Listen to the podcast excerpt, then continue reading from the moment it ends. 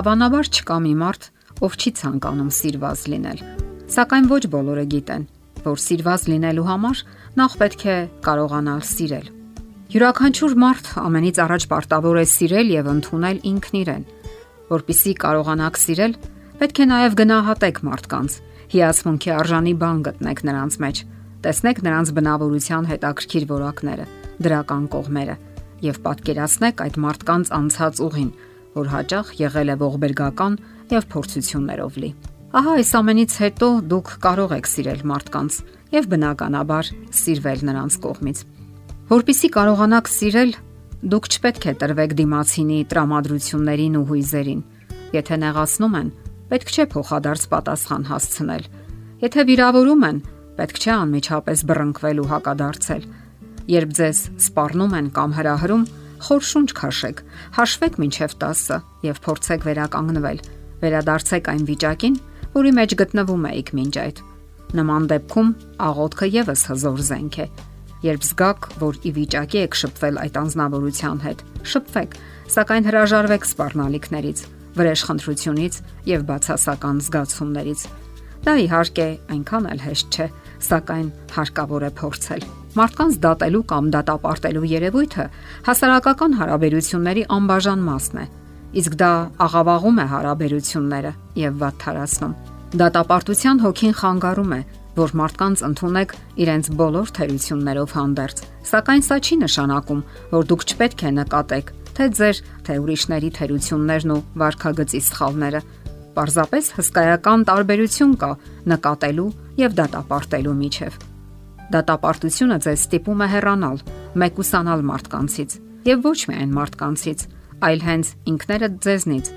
Իսկ ընդհանրապես նկատելը, տեսնելը կարող է լինել անկողմնակալ, անաչառ, իսկ երբեմն էլ սիրով լի։ Ինչպես եք ներում ձեր երեխաներին վրիպումների եւ չարաճճիությունների համար։ Հորդորում եք, որ մյուս անգամ այդպես չվարվեն եւ այդ ամենի արդյունքում ներում եք նրանց։ Մի կարևոր պահ եւս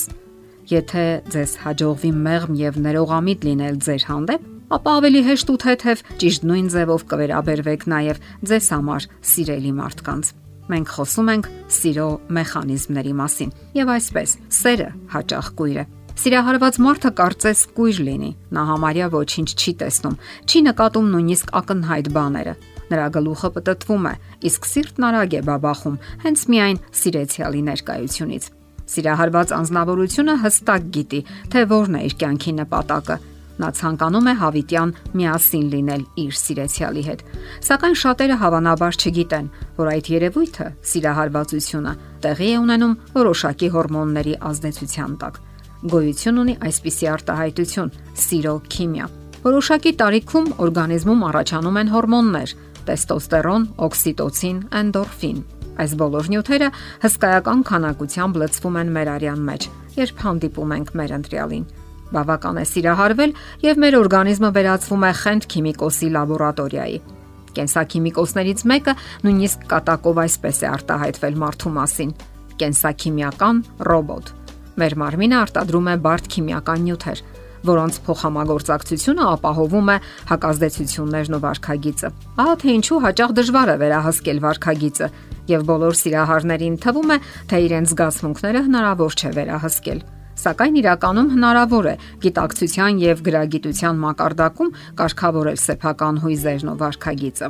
Երիտասարդները հաճախ են իդեալականացնում սերը։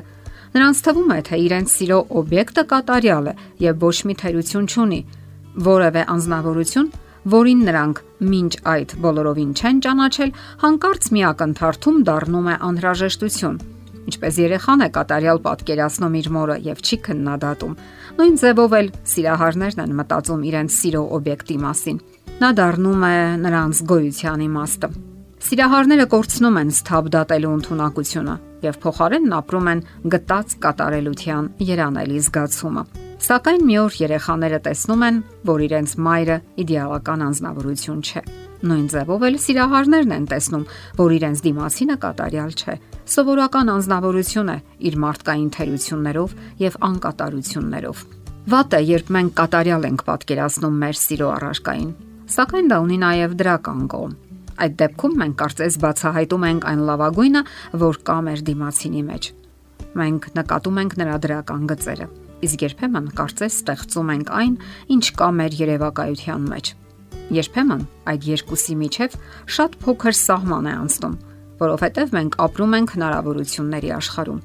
Մեկ այլ մարդու մեջ տեսնելով որոշակի դրական ներուժ, մենք կարծես դրթում ենք նրան հավատալ իր ուժերին, հայտնաբերել իր հնարավորությունները, որոնց մասին նախկինում չեր էլ կասկածում։ Սիրող մարդիկ պատկերացնում են, որ իրենք մի ամբողջություն են։ Ճշմարիտ սիրո դեպքում հենց այդպես էլ պետք է լինի։ Սիրող անznավորությունները մի ամբողջություն են, որը պետք է անխախտ լինի ողջ ամուսնական կյանքի ընթացքում։ Եվ թեպետ սիրո մեխանիզմները իսկապես բարդ են, սակայն անհնար չէ դրանք ճանաչելն ու կյանքում կիրառելը։ Եթերում է ճանապար երկուսով հաղորդաշարը։ Ձեզ հետ է Գեղեցիկ Մարտիրոսյանը։ Հարցերի եւ առաջարկությունների դեպքում զանգահարեք 041 08 2093 հեռախոսահամարով։ Հետևեք մեզ hopmedia.am հասցեով։